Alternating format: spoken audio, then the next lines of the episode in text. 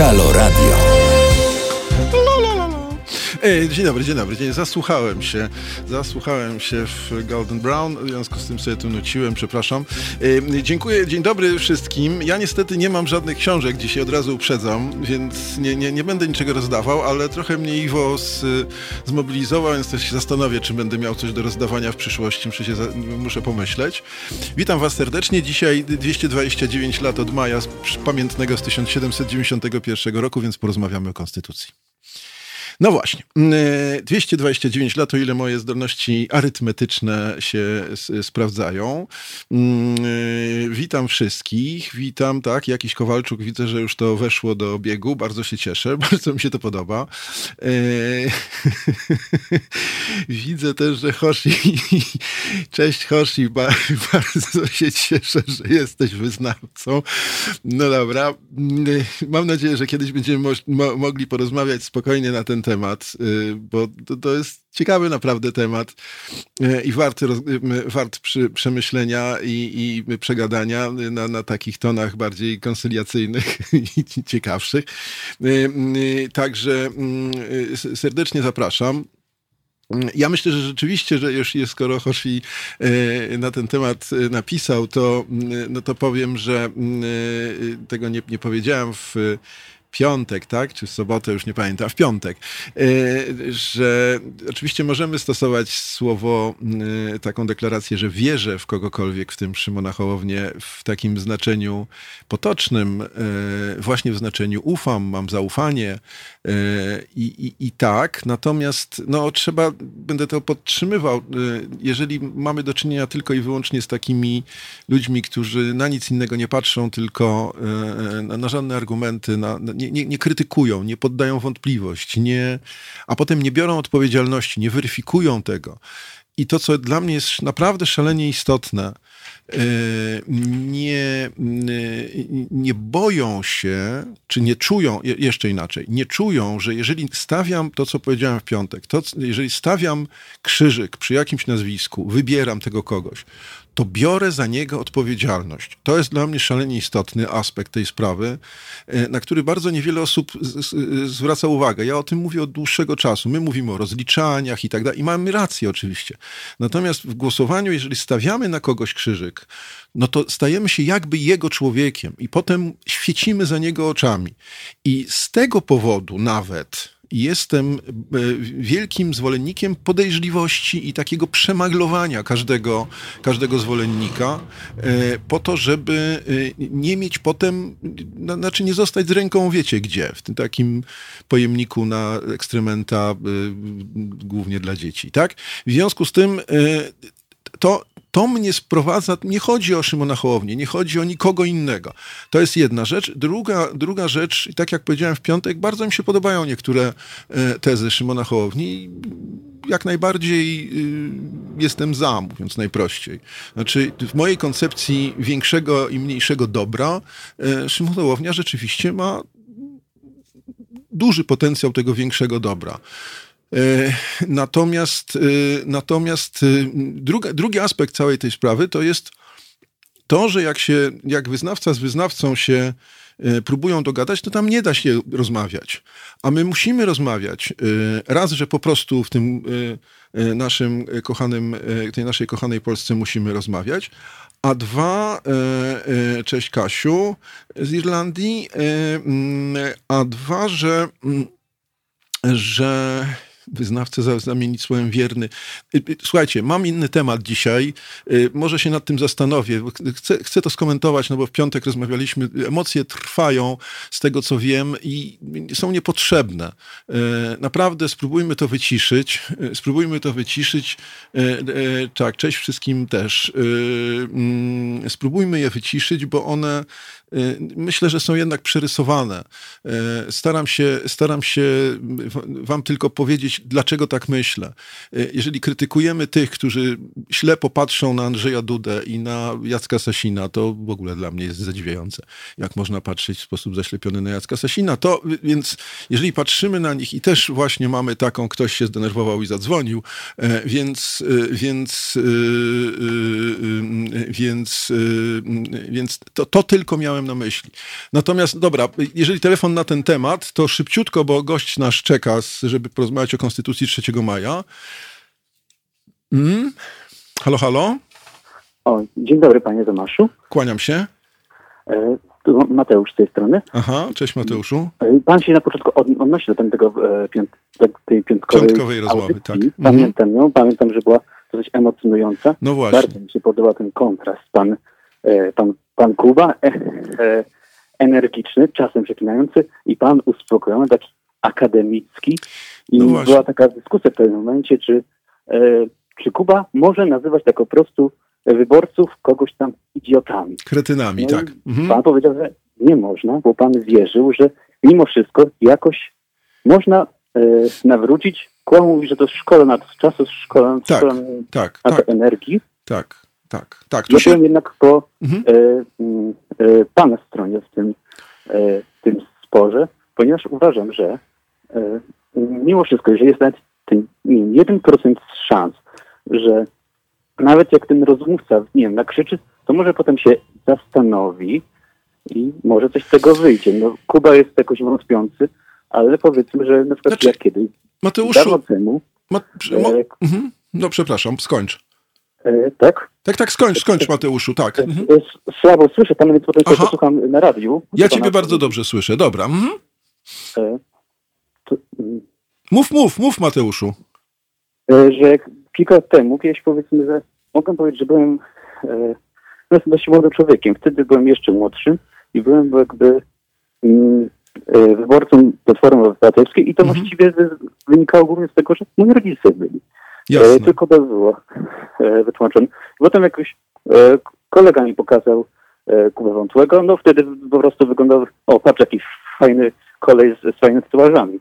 No ale tak go, go, zacząłem słuchać, no i rzeczywiście postanowiłem, że trochę e, źle wybrałem, tak po prostu założyłem, że należy na nie głosować, bo to głosują rodzice, czyli Kuba mimo wszystko jakoś mnie przekonał, czyli że... Jasne, jasne.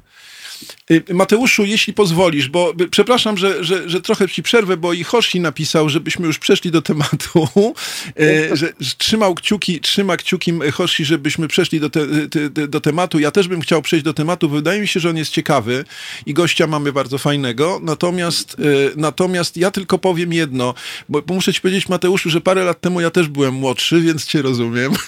to, to tak mniej więcej wygląda. Natomiast Kuba ma swoj, swoją stylistykę i swoje prawa i, e, i, i, i taką, e, taki temperament polemiczny. E, ja mam inny. Rzeczywiście mówiłem o tym w piątek, że mam inną, inną tradycję. To nie znaczy lepszą. Ja nie wiem. Ja wielokrotnie, jak rozmawiałem z Kubą, sobie zadawałem pytanie, co lepsze. Czy ja jestem być może zbyt mało zdecydowany, może z tego zdecydowania potrzeba więcej w tych czasach, Y, zadawałem sobie te pytania, y, patrząc na Kubę, z jednej strony myślałem, że on idzie za daleko, z drugiej strony, z drugiej strony wydawało mi się, jak mówię, stawiałem znak zapytania przy tym, czy, czy być może nie trzeba, czy, czy nie są czasy, które, y, zresztą Kuba też tak mówił, że są, że to są czasy do, do opowiedzenia się i do radykalizmu i tak dalej, i tak dalej, do jasnego, nie do akademickiej, akademickich rozważań, więc to, to są problemy, dlatego się skupiam Kubą y, lubimy i cenimy, dlatego że, y, dlatego, że no, próbujemy się do tych wszystkich rzeczy wzajemnie jakoś, y, jakoś uzupełniać, przekonywać, czy cokolwiek innego i niekiedy poza, zdradzę wam tajemnicę, poza, poza anteną krzywego zwierciadła też żeśmy wiele, wiele godzin, można powiedzieć, przegadali niejednokrotnie dość, dość radykalnie. W związku z tym tak, tak to wygląda. Ja tylko powtarzam jeszcze raz, oczywiście ja mam taką tendencję i bardzo dobrze mi, Mateuszu, to pamiętasz, że, że, że bardzo, bardzo dobrze mi to, Mateuszu, pamiętasz, że ja się odnosiłem, bo tak jest. Właśnie do tego, że właśnie do tego, że mm, ja mam ciągle przekonanie, że jeżeli jednych podstawimy pod ścianą, nazwiemy ich kretynami, y, czy idiotami, czy wyślemy ich do zakładów psychiatrycznych, jak tu jedna z moich słuchaczek parę tygodni, czy więcej nawet temu mówiła, że oni są wszyscy tylko do tego, żeby ich wysłać do, e, do, do zakładu, zakładu psychiatrycznego, to niezależnie od tego, jak bardzo ich nie rozumiemy, niezależnie od tego, jak bardzo ich y, nie akceptujemy tego, co robią i tak dalej, jak mamy do nich pretensje o, y, o gwałcenie prawa, o gwałcenie norm społecznych i tak dalej, i tak dalej, to jeżeli ich po prostu wdepnie, wdepczemy w błoto, to oni z nami rozmawiać nie będą. I oczywiście tam jest duża część ludzi, którzy czy w błocie, czy nie w błocie i tak z nami rozmawiać nie będą i tu Kuba ma rację, ale jest też trochę ludzi i ja na tym bazuję cały czas. Jest też trochę ludzi, ja znam ludzi, z, pojawiają się studenci, y, którzy myślą prawicowo u mnie na zajęciach. Y, nie chcę powoływać się na konkretne nazwiska, ale mam takie nazwiska ludzi, którzy są dziennikarzami, dziennikarzami w tej chwili, e, związanymi raczej z mediami prawicowymi, e, którzy, z którymi ja muszę rozmawiać. I chcę rozmawiać. Nie tylko muszę, ale chcę rozmawiać. Dlatego, że okazuje się, że można gdzieś się z nimi porozumieć. E, gdzieś jest to pole do, do, do, do, do, do rozmowy. I to jest to, o czym ja wam kiedyś mówiłem. Ja chcę projektu Polski po PiSie. E, nie żadnych powrotów czy czegokolwiek innego, tylko powrotu Polski po PiSie. E, słuchajcie, minęło 15 minut. Jeśli mi pozwolicie, być może możemy sobie porozmawiać na ten temat, jeśli chcecie, e, to dajcie mi znać i sam sobie tutaj usiądę, jak miałem w zwyczaju przez wiele tygodni i możemy sobie, możemy sobie na ten temat porozmawiać dłużej. Natomiast ja mam, mam nadzieję, że mam też ciekawe pytania dotyczące Konstytucji 3 maja. Tak jak powiedziałem, jest dzisiaj 200, 229 rocznica y, konstytucji, uchwalenia Konstytucji 3 maja, czy w zasadzie ustawy rządowej, bo tak się oficjalnie ta, y, ta, y, ta, ta ustawa nazywała. I, i no, to kolejne pole do tego, żeby próbować coś na ten temat rozmawiać, bo oczywiście, tak jak też wielokrotnie mówię, te, Konstytucja 3 maja, już trzymajmy się tej nomenklatury, Konstytucja 3 maja jest jednym z mitów narodowych, ewidentnie w Polsce przy czym jak to z mitami bywa, bardzo często, y, bardzo często jest po prostu hasłem, y, które jest gdzieś tam wywieszane, wypisywane bez specjalnej analizy.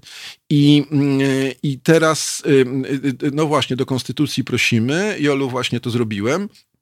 Więc, y, więc, y, więc to, to, to chciałbym y, tutaj powiedzieć. Naszym gościem dzisiaj jest dr Igor Barkowski, z, z mój kolega z wydziału z Uniwersytetu Warszawskiego.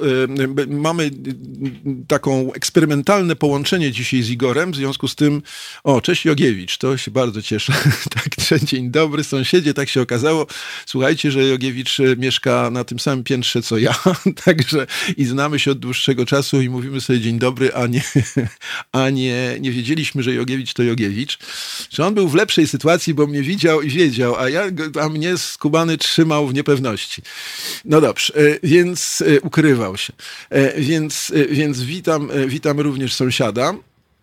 Y, I, y, i, i, wróćmy do tej, jak, do, do, tej konstytucji. Jak mówię, y, mamy dzisiaj, w, mamy dzisiaj przyjemność rozmawiać z doktorem Igorem Barkowskim. Telefon jak zwykle 29 39 059 22. Jak zwykle też was proszę, żebyście o nas pamiętali, nie obrażali się na nas też e, i, i wierzyli w nasze dobre intencje, e, niezależnie od tego, czy się z nami zgadzacie, czy nie zgadzacie, e, to chcemy wam, chcemy z wami rozmawiać i chcemy wam dać to, co, co w nas najlepsze. To nie znaczy, że jest, mamy rację, ale chcemy wam dać to, co, co myślimy, a wy liczymy właśnie na to, że wy z tym coś zrobicie.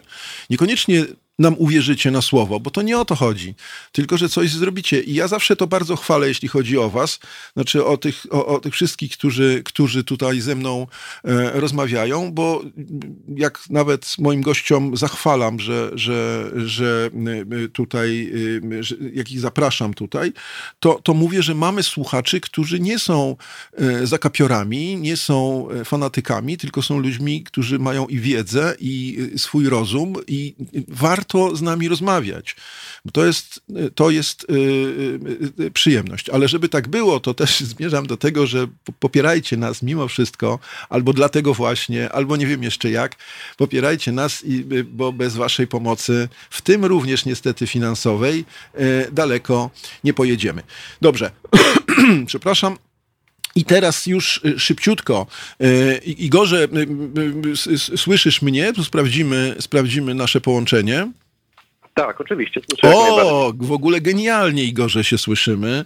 Także ja, ja, tu z niepokojem słyszałem, że jakieś będzie takie albo coś takiego, a tu, a tu widzę, widzę, że, znaczy słyszę, że jest wszystko, wszystko znakomicie. Y, no dobrze. Próbowałem, bo czekałem 20 e, minut, aż e, zaczniesz w programie o konstytucji mówić o konstytucji, ale doczekałem się, dziękuję. Wiesz co, no dobrze, dziękuję ci bardzo za poparcie. E, natomiast tak to właśnie jest zaprosić kolegów. To, za, to za, jak koledzy to zaraz mi przyłożą. Dokładnie. No tak to wygląda. Słuchaj, słuchaj, no ale chcę się tobie też wytłumaczyć, że w piątek była tu i w ogóle toczy się taka dyskusja dość, dość ostra. Miałem ochotę jednak dwa słowa na ten temat powiedzieć, szczególnie, że nasi słuchacze coś na ten temat napisali. Dobra, 229 lat y, temu, y, no już pewnie było w trakcie, nie wiem o której godzinie te, te obrady, te, te obrady to ty po, możesz, po, możesz pamiętać, no, pamiętać nie, ale możesz wiedzieć, ja nie wiem. Wiem tylko tyle, że w pierwszej wersji miało być to 5 maja, ale z, z racji przecieków informacyjnych e, było jednak 3 maja. No i no powiedz dwa słowa na ten temat takiego rysu historycznego. Witaj Tomku, witajcie mhm. wszyscy Państwo. E, ten rys historyczny oczywiście jest bardzo długi. Jak sądzę, można by poświęcić nawet nie zajęcia akademickie, ale cały semestr akademicki, mm -hmm. by porozmawiać o rozmaitych kontekstach e, konstytucji, myśli konstytucyjnej i ich związków chociażby z myślą oświeceniową i polityką e, wieku świateł, jak się czasem nazywa stulecie XVIII. Mm -hmm. Jeśli chodzi o takie sprawy, które dla nas dzisiaj mogą być interesujące.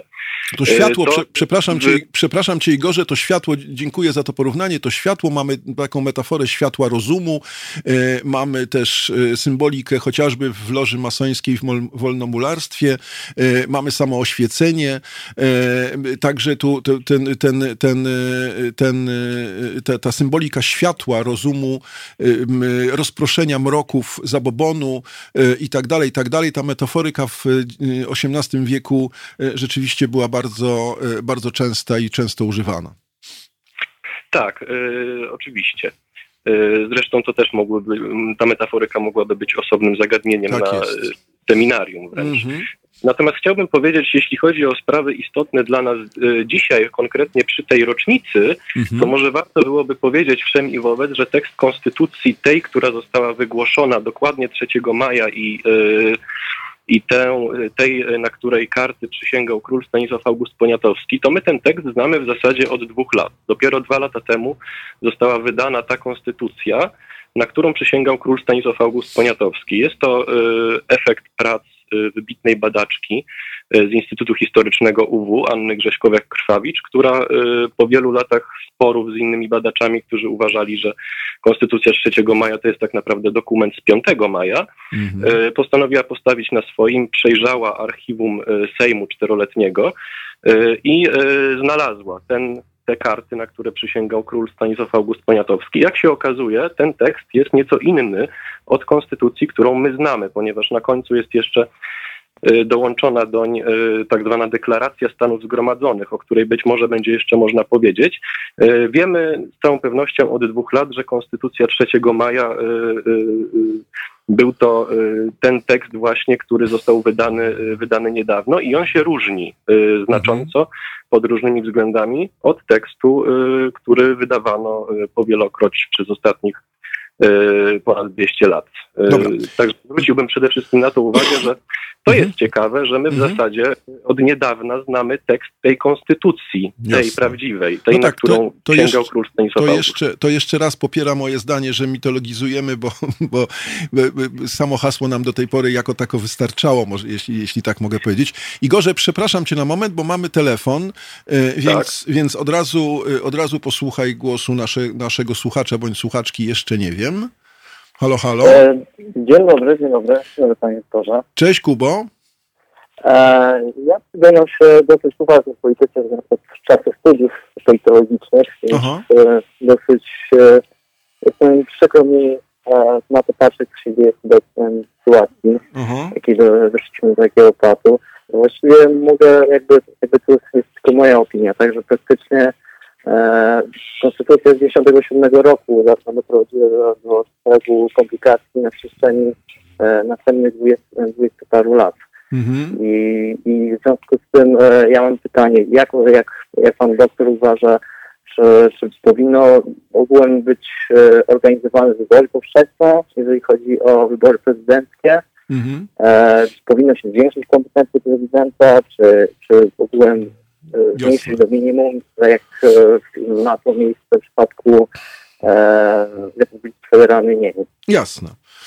Jasne, takie wzorce mamy rzeczywiście. E, Kuba, trochę mi, trochę mi zabiłeś ćwieka w tej chwili, ponieważ y, y, jeśli, jeśli się na mnie nie obrazisz, to, to mhm. ja bym może postanowił sobie zapisać i na ten temat porozmawiać na przykład z profesorem Wawrzyńcem Konarskim, którego, którego mam zamiar zaprosić po raz powtórnie, bo rozmawialiśmy dwa tygodnie temu z profesorem i mhm. obiecaliśmy sobie później, dlatego że z prostego powodu, z, z, tego powodu, że rozmawiamy w tej chwili z historykiem kultury e, i oświecenia e, i bardziej mi zależy na tym, żebyśmy odtworzyli pewne mity, które tam się pojawiły, natomiast nasze przekonania, akurat moje i Igora, e, dotyczące tego, jak ma wyglądać umocowanie prezydenta w Polsce, to jest rzecz trochę inna, bym powiedział, więc jeśli się nie obrazisz, to, to być może to gdzieś wyjdzie w naszej rozmowie, ale chciałbym to przełożyć na inną rozmowę. Mogę?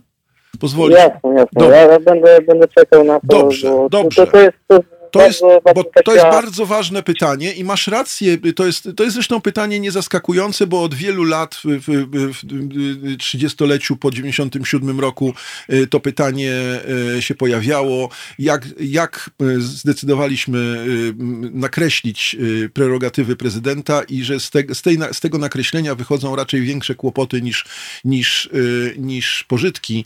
I, i to nie jesteś pierwszy, który zadaje to pytanie i wydaje się, że to rzeczywiście jest bardzo poważne ważny temat e, na przyszłość, ale tu ja skończę tylko jednym zdaniem. Moje zdanie jest takie, nie, nie to, czy trzeba wzmacniać, czy nie, bo to jest co innego. Te dyskusje trzeba odsunąć, niestety, mówię niestety, bo wolałbym ją pewnie już, e, bo im szybciej, tym lepiej, ale e, trzeba w tym celu zmienić konstytucję.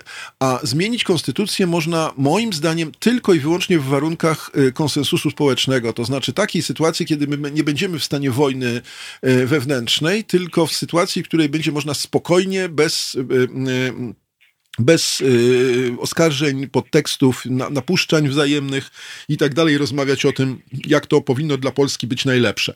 I y, pod tym względem jestem pesymistą, że to szybko nie, nie, nie, nie nadejdzie. Kubo, dziękuję Ci bardzo za telefon. Tak, wie Pan, bo tylko, przepraszam, tak przerwę, bo ja chciałem tylko e, dopomnieć, że generalnie cztery dni temu była jedna z z rozmów było wspomniane o tym, że, że nawet jeżeli e, nie ma sprzeciwu wśród wyborców Prawa mm -hmm. i Sprawiedliwości do pewnych działań ich własnej partii, to nie można się spodziewać tego, że dojdzie do jakiegoś przesilenia de facto. Mm -hmm.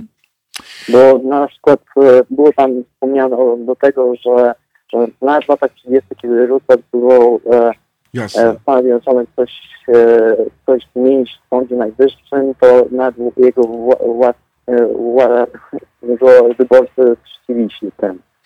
Generalnie jest, Kubo. dużo nie ma takiej kultury politycznej. No, zdecydowanie. Wróćmy do tego, dobrze? Obiecuję ci, że wrócimy. Dziękuję ci Jasne. bardzo za telefon. Dziękuję bardzo. Y, Igorze, y, Igorze, y, dobrze, to powiedzmy tak, po, powiedziałeś rzecz ciekawą, nie, niewątpliwie.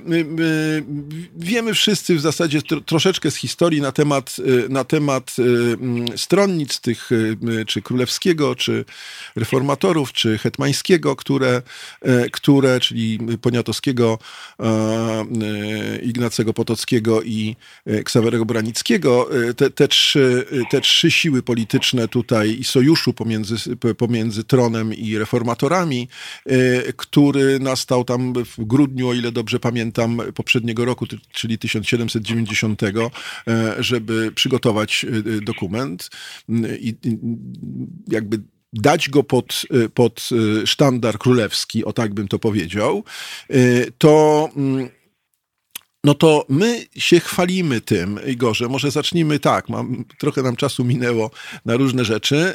Y, być może się zaczynam zastanawiać, czy cię nie zaproszę jeszcze raz w takim razie. Y, I jest tak, że, y, że no my się chwalimy Konstytucją 3 maja. Mówimy o tym z, z, wielką dumą, że jest pierwszą europejską, drugą na świecie. Y, pierwsza europejska tak, ale w, też trzeba pamiętać, że w tym samym roku, w 1791 roku y, we wrześniu y, taką, tak, taką konstytucję również uchwalili Francuzi. W związku z tym no, jesteśmy szybciej, ale też pytanie jest, na ile ta konstytucja na ile ta konstytucja jest tak fundamentalnym, do jakiego stopnia jest tak fundamentalnym przeoraniem, bym powiedział, bo nieraz się tak mówi, że ta konstytucja jest totalnym y, przeoraniem sytuacji politycznej w ówczesnej Polsce. Ja rozumiem, że poprawiła, ograniczyła wolności szlacheckie na czele z liberum veto, zmieniła wolną elekcję na na monarchię dziedziczną, y, podniosła pozycję, y, podniosła y, zasadniczo pozycję mieszczaństwa, to charakterystyczne i dla rewolucji francuskiej, dla XVIII wieku. E, też trochę poprawiła rolę chłopów, chociaż dopiero uniwersał połaniecki takie idee bardziej radykalne wprowadził.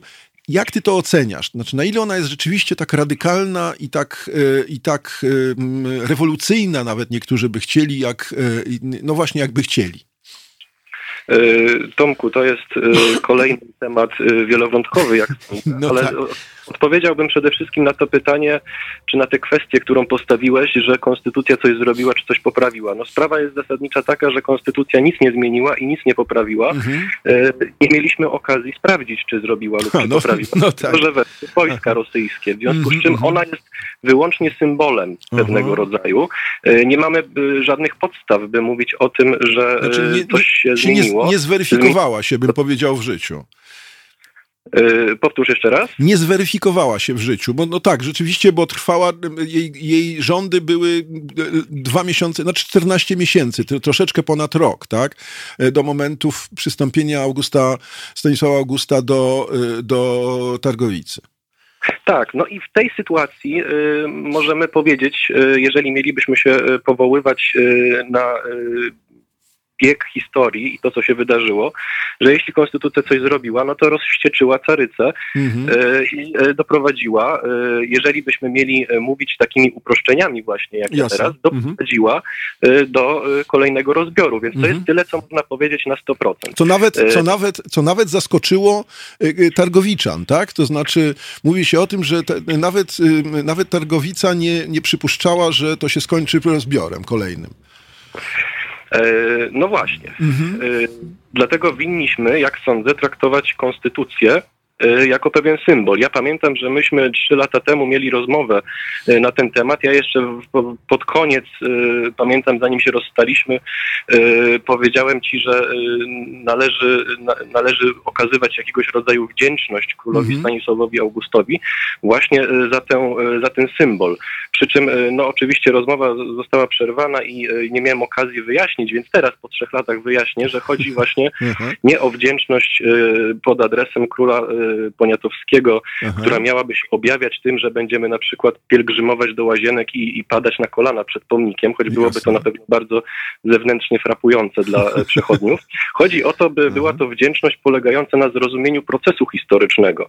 Mhm. Otóż bardzo często się mówi, że w Polsce oświecenie było albo byle jakie, albo też w ogóle go nie było. To tak, to było. Jakieś, o, świetnie, jakieś... bardzo Ci dziękuję, że tę perspektywę włączyłeś, bo to jest jedno z moich pytań właśnie. Na ile, to, na ile oświecenie, oświecenie było silne i w związku z tym, na ile Konstytucja 3 maja była y, ugruntowana w przemianach szerokich w miarę, ja rozumiem, że nigdy stuprocentowych, ale jednak w miarę szerokich y, przemianach społecznych, y, społecznej świadomości, bo to jest szalenie istotne. Na ile ona była, niektórzy mówią elitarna, związana z jakimś pomysłem jakiejś grupy tam z, z, z obiadów czwartkowych, mówiąc symbolicznie, czy cokolwiek innego, e, e, a na ile ona miała ugruntowanie w przemianach świadomości? E, no, tutaj możemy powołać się tylko na szczątki dokumentów, jakie posiadamy. Z Konstytucją 3 maja wiąże się pierwsze w dziejach tego narodu referendum, które zostało przeprowadzone oczywiście nie wśród narodu, tylko wśród narodu szlacheckiego. To mm -hmm. sobie powinniśmy świadomi, że to są inne czasy. Tak. To referendum zostało przeprowadzone w 92 roku, nie pamiętam miesiąca, właśnie w związku z y, no, bezprawnym w zasadzie wejściem wojsk y, zaborczych na teren Wielkopolski. Tak? No i to, to referendum, jakbyśmy dzisiaj powiedzieli, pokazało, że jednak y, ta świadomość musiała się zmienić, ponieważ konstytucja uzyskała wielkie poparcie. Mm-hmm. Nikt się nie mhm. spodziewał, że aż tak duże. E, w związku z czym moglibyśmy stwierdzić, że jednak wpłynęła na świadomość jakiejś znacznej części, nie powiemy dzisiaj jak dużej. Natomiast niewątpliwie była oczekiwana najwyraźniej, skoro, skoro referendum to potwierdziło. Mhm. Igorze, mamy pytanie, mamy telefon, halo? Dzień dobry, Jacek. Cześć Jacku. Dopiero włączyłem radio, więc nie wiem, czy moje pytanie jest zasadne. Aha. Czy w kontekście Targowicy mówiliście o kościele? Nie, jeszcze, jeszcze zupełnie do kościoła nie. W ogóle jeszcze specjalnie do Targowicy nie doszliśmy, e, Jacku, więc i do kościoła to mam, również. To, to, to mam jak dojdziecie do Targowicy, to proszę nakreślić e, Dobrze. głębiej, bardziej e, wpływ kościoła na, mhm. na Targowicę i mhm. skupów, tak? Dobrze, dobra, okay. dobra. Dzięki, dzięki Jacku. Y, słyszałeś Igorze, mamy pytanie o Kościół, y, ale to zapiszmy sobie to pytanie i, i myślę, że za chwilę. No, kontynuuj, to znaczy, jak to, jak to wyglądało? Yy, wracam do przerwanego wątku, tylko mhm. powiem, że nie wiem, czy będę w stanie bez kwerendy bibliotecznej odpowiedzieć na pytanie słuchacza Jacka czy Janka. Jacka. A tak jak, jak jest, jak nie mamy możliwości udania się do bibliotek, nie wiem, czy będę w stanie już teraz odpowiedzieć, aha, ale aha. spróbujemy. Natomiast kontynuując przerwany, przerwany mhm. wątek, E, no to może należałoby jeszcze e, wrócić do tej kwestii e, tego, czy oświecenie w ogóle, w ogóle było. No pojawienie się konstytucji, przeprowadzenie całej procedury w atmosferze, no trochę jednak zamachu stanu, jak się okazuje, a następnie jej popularność i pewnego rodzaju szok, gdy król Stanisław August został postawiony pod ścianą i musiał przyłączyć się do Targowicy, żeby spróbować przejąć nad nią kontrolę, co się skończyło katastrofalnie. E, no pokazuje to wszystko jednak, że być może oświecenie w Polsce było, tylko że dosyć długo czekaliśmy na ten, e, na ten głos. Być może e, on po prostu nastąpił za późno. No i wreszcie, wreszcie rzecz zasadnicza.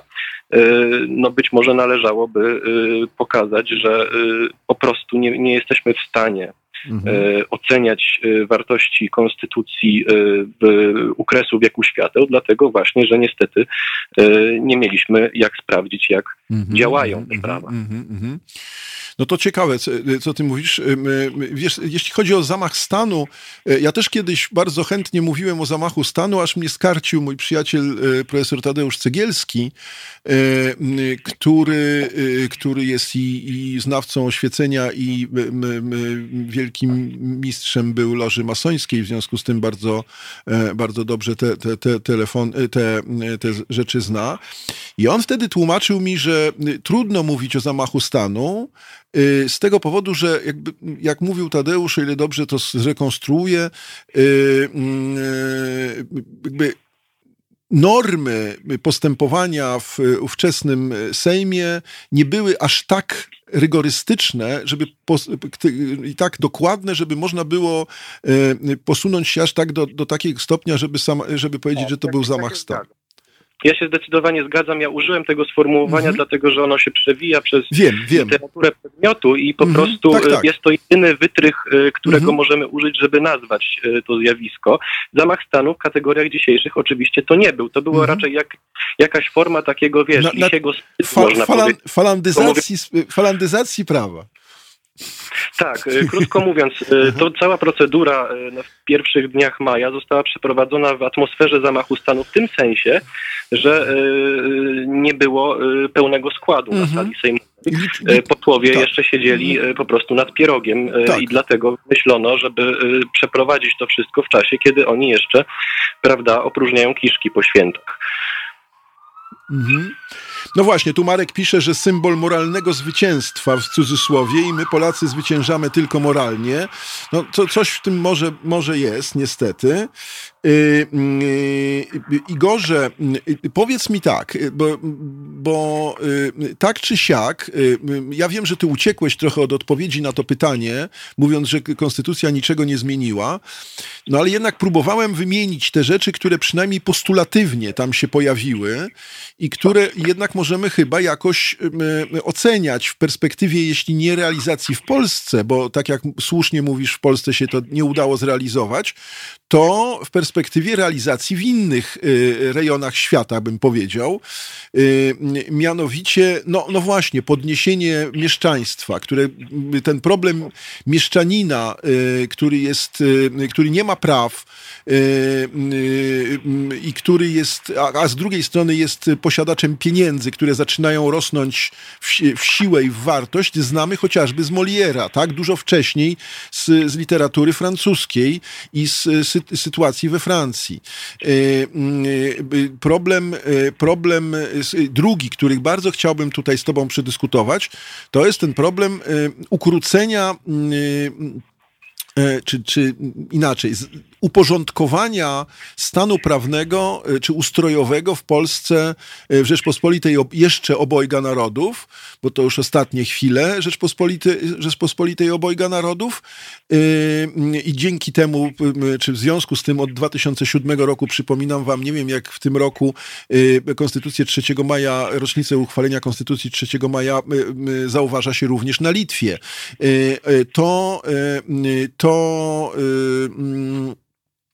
to jednak te, e, te postulaty zmiany w, ty, w tym względzie umiarkowane w perspektywie tego, co powiedzieli Francuzi, bo Stany Zjednoczone zostawiam na boku. Stany Zjednoczone to, to jest kraj, który y, nie ma zaszłości feudalnej, nie ma zaszłości historycznej, w związku z tym konstytucja amerykańska moim zdaniem się nie da po, połączyć y, czy porównać.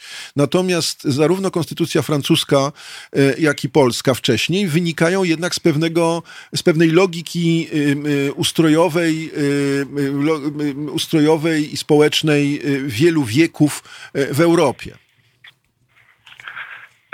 No, przede wszystkim wynika z logiki ustroju samej Rzeczypospolitej, jak mhm, sądzę, mm-hmm. dlatego że była pewnego rodzaju ukłonem w kierunku tradycji. Ona została potraktowana i przedstawiona przez Rosjan, zaborców i prozaborczą szlachtę, czy tę jej część jako, jako zamach, ale zamachem na tradycję nie była, podobnie jak całe polskie oświecenie nie było e, odwracaniem istniejącego porządku do góry nogami, tylko właśnie próbą zrozumienia przeszłości. E, bardzo często zarzucano i to w takich badaniach nawet względnie, e, względnie niedawnych powiedziałbym, mm -hmm. że mhm. konstytucja 3 maja to było takie stawanie w rozkroku między nowoczesnością, tak. czy też pragnieniem nowoczesności, a e, tradycją szlachecką. No ale właśnie e, geniusz polityczny twórców konstytucji polegał na tym, by nie zburzyć istniejącego porządku, e, jakoś e, do tej tradycji nawiązywać. Więc e,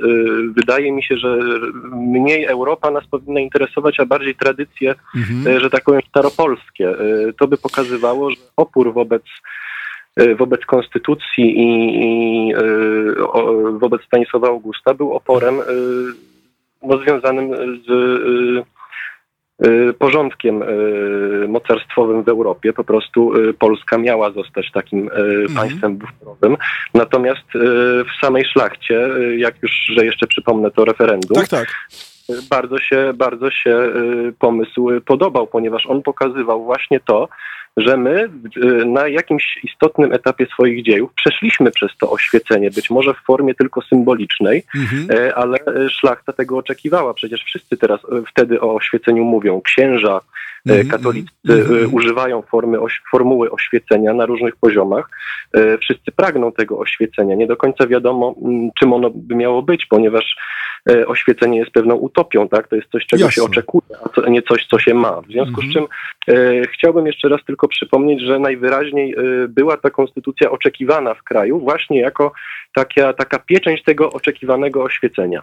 Dobra, to bardzo się cieszę, że, że to powiedziałaś. Też przypominam, przypominam też wszystkim, bo zawsze mam to w zwyczaju takie teksty, oczywiście jak Powrót Posła, czy Sarmatyzm, czy Twórczość Krasickiego, czy inaczej mówiąc, y, no jednak y, spory dorobek y, bardzo ciekawy polskiego, polskiego oświecenia w, dziedzinie literatury, ale ta literatura w oświeceniu miała bardzo wyraźną funkcję polityczną. bardzo trudno oderwać literaturę oświeceniową, pokazać, gdzie ona jest literaturą, a gdzie jest komentarzem do rzeczywistości. Zresztą dzieje się tak nie tylko w Polsce, ale też w literaturze, no, w perspektywie oświecenia najlepiej lepiej i w Wielkiej w Anglii i, e, i, w, i, w, e, i we Francji. E, więc to, to tak na marginesie. Natomiast skoro, skoro, skoro Igorze odwołałeś się, nie chcesz rozmawiać o Francji, tylko, tylko odwołałeś się do tradycji polskich, no to od razu zadam ci to pytanie, które jest dla mnie fundamentalnym pytaniem i które od wielu lat dyskutuję z moimi studentami również, mianowicie o polskim pojęciu, pojęciu kategorii sarmatyzmu, e, ponieważ e, no, bardzo często w, w, w myśleniu, e, myśleniu czy mówieniu o Konstytucji 3 maja po, pojawia się, czy właśnie o oświeceniu w ogóle, Towarzystwie Ksiąg Elementarnych, Komisji Edukacji Narodowej, obiadach czwartkowych i tak dalej, to tych wszystkich symbolach, które my tu przede wszystkim w Warszawie mamy prawie na co dzień, bo, bo, bo mamy i łazienki, i y, kościoły, i, i między innymi na przykład Kościół Świętej Anny i tak dalej, i tak dalej, to mm, to, y, to z drugiej strony mówimy o, y, znaczy zawsze mówimy w perspektywie y, opowiedzenia się wobec tradycji sarmackiej, wobec, wobec tego, że oświecenie leczyło schorzenia sarmatyzmu, a w, sfery, w sferze ustrojowej na przykład właśnie leczyło grzech grzech, mówię w cudzysłowie, liberum veto, nihilnowi, wolnej elekcji i tak dalej, i ja zwykłem zawsze podkreślać jedną rzecz, że pojęcie sarmatyzmu i idea liberum veto dla demokracji szlacheckiej w momencie nihilnowi, w momencie zakładania e, czy kładzenia podstaw, podwalin pod, e, pod demokrację szlachecką, e, miał wymiar E, miał wymiar e, no, rewolucyjny i zupełnie inny niż Europa znowu, bo wtedy Europa była na poziomie e, monarchii absolutnej, dopiero później była na poziomie monarchii oświeconej. Czy jak ty to widzisz z tym pojęciem sarmatyzmu? Ponieważ my sobie troszeczkę, jakbym powiedział, wycieramy twarz tymi sarmatami, mówimy, że to takie niedobre wszystko, to liberum veto takie niedobre i, i w ogóle liberum veto jest takim symbolem, takim wytrychem tego, tego, co najgorsze. Moim zdaniem tak nie jest, a na, na, na pewno jest zrelatywizowane do, w, w czasie. Y no cóż, po, mogę tylko po raz kolejny, jak zwykle, y, wprowadzić atmosferę akademicką i powiedzieć, że to jest temat na seminarium osobne. Mhm. Natomiast, żeby y, odpowiedzieć choć cząstkowo na Twoje y, na te problemy, które wprowadzasz, to należałoby powiedzieć, że ten stosunek do sarmatyzmu, który dzisiaj ma powiedzmy no nie wiem, lewica czy centrolewica, to jest po prostu spadek po komunie. Mhm. Chciano pokazać oświecenie jako, i oświeconych myślicieli jako wzorowych komunistów, w związku z czym wszystko, co było przez nich krytykowane, było krytykowane właśnie jako burżujstwo czy sarmatyzm, prawda? Mm -hmm. To jest totalne nieporozumienie, ponieważ należy zwrócić uwagę na to, że XVI i XVII wieczni Polacy nie mieli zielonego pojęcia o tym, że to, w co wierzą, to, co robią, to jak piszą, to jest sarmatyzm. A to dlatego, że to słowo po prostu wtedy nie istniało. Mm -hmm. Można wymyślić sobie taką analogię do słowa sarmatyzm, E, na przykład słowo klasycyzm, ta końcówka izm mm -hmm. oznacza pewnego rodzaju wtórność wobec klasyczności, prawda? Klasyczny tak. jest Sofokles, a e, pisarz oświeceniowy jest klasycystyczny, prawda? Mm -hmm. W związku z czym musimy e, dokonać takiego kalamburu trochę, to znaczy zdać sobie sprawę, że sarmatyzm samo słowo było nieznane sarmatom XVI-XVII wiecznym, zostało ukute w środowisku w latach 60., w środowisku y, y, prokrólewskich y, myślicieli, właśnie po to, żeby odciąć się od przeszłości. Tak Ale jest. co to znaczy odciąć się od przeszłości? Mhm. No nie odciąć się całkowicie od tradycji staropolskiej, tylko odciąć się od pewnego rodzaju wynaturzeń, które nastąpiły w wieku już XVIII, mhm. a zatem za panowania Sasów. To nie chodzi o to, że że y, określono przeszłość mianem sarmatyzmu, y, ponieważ y, chodziło tylko o pewne elementy tej przeszłości. Natomiast tym, co istniało wcześniej realnie jako byt polityczny, była Sarmacja, tak? Mm. Sarmacja, która jest przecież pewnego rodzaju metanarracją Europy o samej sobie. Takie, takie mity etnogenetyczne miały przecież wszystkie narody tak. Europy. Polacy nie byli, nie byli w czasie w tym, w tym w żaden sposób inni. -hmm. Także była sarmacja, a nie sarmatyzm. E, sarmatyzm nigdy nie istniał tu, e, jako byt. E, przepraszam, przepraszam, cię, przepraszam cię, Igorze, ja tylko trochę przetłumaczę twój język akademicki, tylko kontroluj, czy to zrobię dobrze. Kiedy mówisz o tych mitach etnogenetycznych, to chodzi przede wszystkim o to, że to był czas, w którym narody poszukiwały swoich takich źródeł, pochodzenia. W związku z tym odwoływały się do jakichś najchętniej starożytnych ludów, których, czy jakichś legendarnych ludów, które które, y, które były rodzajem fundamentu tej kultury, która jest dzisiaj. U, u, ugruntowywały takie poczucie poczucie odrębności kulturowej. Y, to, to jest szalenie istotne. Nie wiem, czy będziesz protestował przeciwko temu, co powiedziałem, czy nie, czy poprzesz mnie. Y, nie słyszę, żebyś krzyczał. To znaczy poprę w tym sensie, że w czasach, o których mówisz, pisanie historii mhm. nie było też nie było przecież tworzeniem bajecznych narracji, było nauką jak tak. najbardziej w średniowieczu i e, w starożytności też. I chodziło o to, żeby ta nauka, ta właśnie historia, ale przedoświeceniowa, wyprowadzała dzieje narodów z dwóch historii zasadniczej, z historii świętej, a zatem z Biblii, mm -hmm. z historii świeckiej, a zatem z dziejów Imperium Rzymskiego. Stąd też wszystkie te etnogenezy, o których y, mówisz, wiążą się z jakimiś fantastycznymi opowieściami, tak ale one nie są fantastyczne. To jest właśnie historia. No właśnie. I teraz tylko jeszcze się odwołam do, jak mam zwyczaju, do literatury.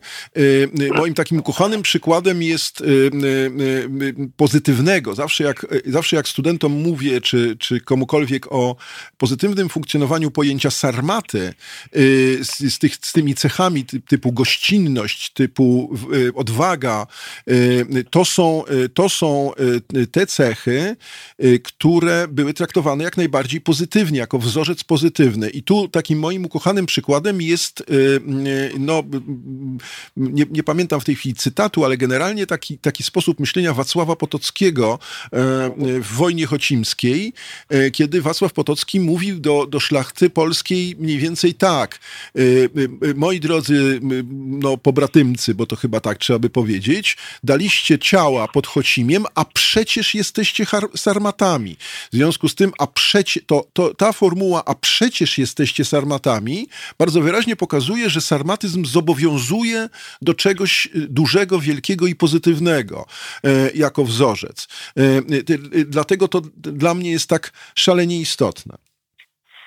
E, no, e, on się po prostu odwołuje e, w wojnie chocińskiej do narracji ogólnoeuropejskiej, tak? -hmm. Znaczy każdy inny naród mógłby stworzyć taki poemat i takiego bohatera, w którym zamiast Sarmacji padałaby jakaś nazwa innej mitycznej krainy. Tak Dlatego właśnie, że to był zrozumiały kod dla wszystkich. Jasne. To nam się wydaje, że Sarmacja to jest, to jest sarmatyzm, prawda? A to -hmm. nieprawda.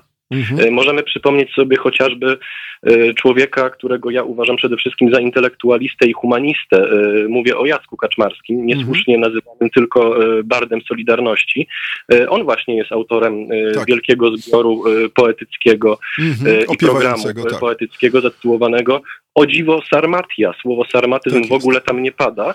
Mhm. Jest to z jednej strony bardzo taka prześmiewcza wizja, a z drugiej jest w niej dużo nostalgii za, za przeszłością. Mhm. Wydaje mi się, że podobnie jak e, Bard Solidarności, który nie chciał być bardem Solidarności, powinniśmy tutaj e, e, nałożyć sobie pewnego rodzaju wędzidło, to znaczy Jasne. zrozumieć pewne podstawowe pojęcia. E, zwróciłbym uwagę, że właśnie ten program nosi tytuł Sarmatia, a zatem chodzi o istniejący realnie byt polityczny, który kiedyś był potęgą. Dobrze. E, e, Igorze, dochodzimy do 14 i tu tak energetyczna kapela pod tytułem Guns N' Roses już czeka, żeby zagrać, więc ja bym ci tylko, jak masz jakąś może karteczkę albo cokolwiek innego, chciałbym, żebyśmy obaj zapisali i zapamiętali. Po pierwsze, chciałbym y, y, odnieść się do, chciałbym, żebyś się odniósł, może zacznę od najmniej ważnej sprawy, no dość y, szokującej może, jednak tezy, w szczególności w stosunku do tego, co mówisz, kiedy Adam Mickiewicz na Collège de France jednak wypowiadał się na temat Konstytucji 3 maja jako pewnej zdradzie tradycji narodowych, y, y, y, kultury i tak dalej, tak a przynajmniej odstępstw i nie wypowiadał się na temat Konstytucji, konstytucji zbyt pochlebnie. To jest, nie, nie, nie oczekuję w tej chwili odpowiedzi, po, dajmy po, pograć Gansowi, czy Gansom raczej.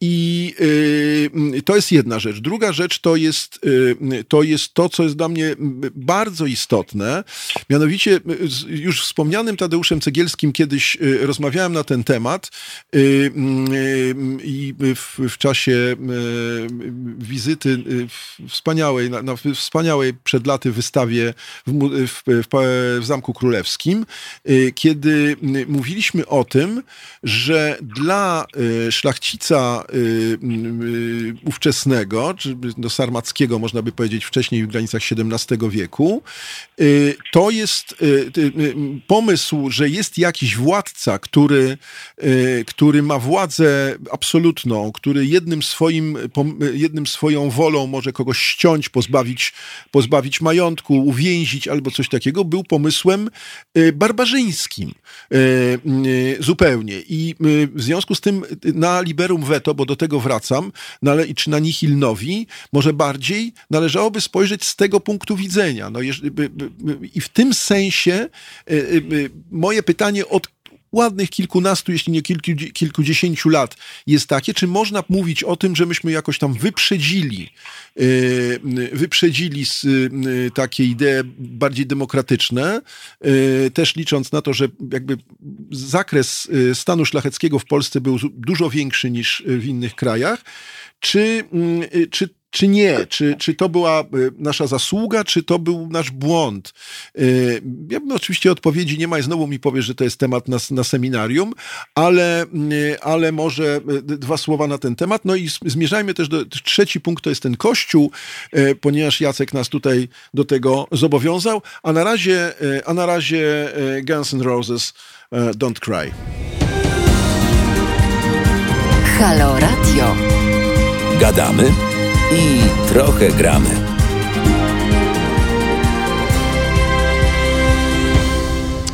Tak rzeczy Guns N' Roses, e, a teraz my e, o świeceniu, trochę dalej od Guns N' Roses.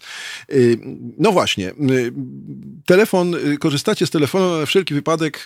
Ci, którzy nie korzystają, to może nie wiedzą, jaki jest numer, a ten numer to jest 22 39 059 22. Piszecie. Y, Mateusz sobie przypomniał, y, czy popiera cię Igorze w y, zachwycie nad albumem Jacka Kaczmarskiego. Więc Jacek Kaczmarski to nasz student, jak pamiętasz oczywiście, czy nasz absolwent raczej polonistyczny. Mm, także mm, mniej więcej z moich czasów. No, więc tak, tak, to, tak to wygląda. Mm, i Igorze, wróćmy do tych moich pytań, tak? To znaczy, y, to znaczy do tych, znaczy nie, nie wiem czy pytań, ale do tych takich kwestii, tak? Znaczy, tak, z... pamiętam. Mhm. Mickiewicz i Liberum Veto. Y, Mickiewicz, Liberum Veto i na koniec Kościół, tak. To znaczy Liberum Veto szerzej, to znaczy to, że to, że jaka była ta relacja, tak? Ja, jaki, jaki, ja niekiedy myślę sobie tak, znaczy stawiam taką tezę, że być może myśmy za wcześnie weszli w demokrację szlachecką, z tym właśnie z konstytucją Nihilnowi, z tym, że jak, jak Walezy, że powiem, zobaczył, co, co, co król może w Polsce, a co może we Francji, to się złapał za głowę, tak?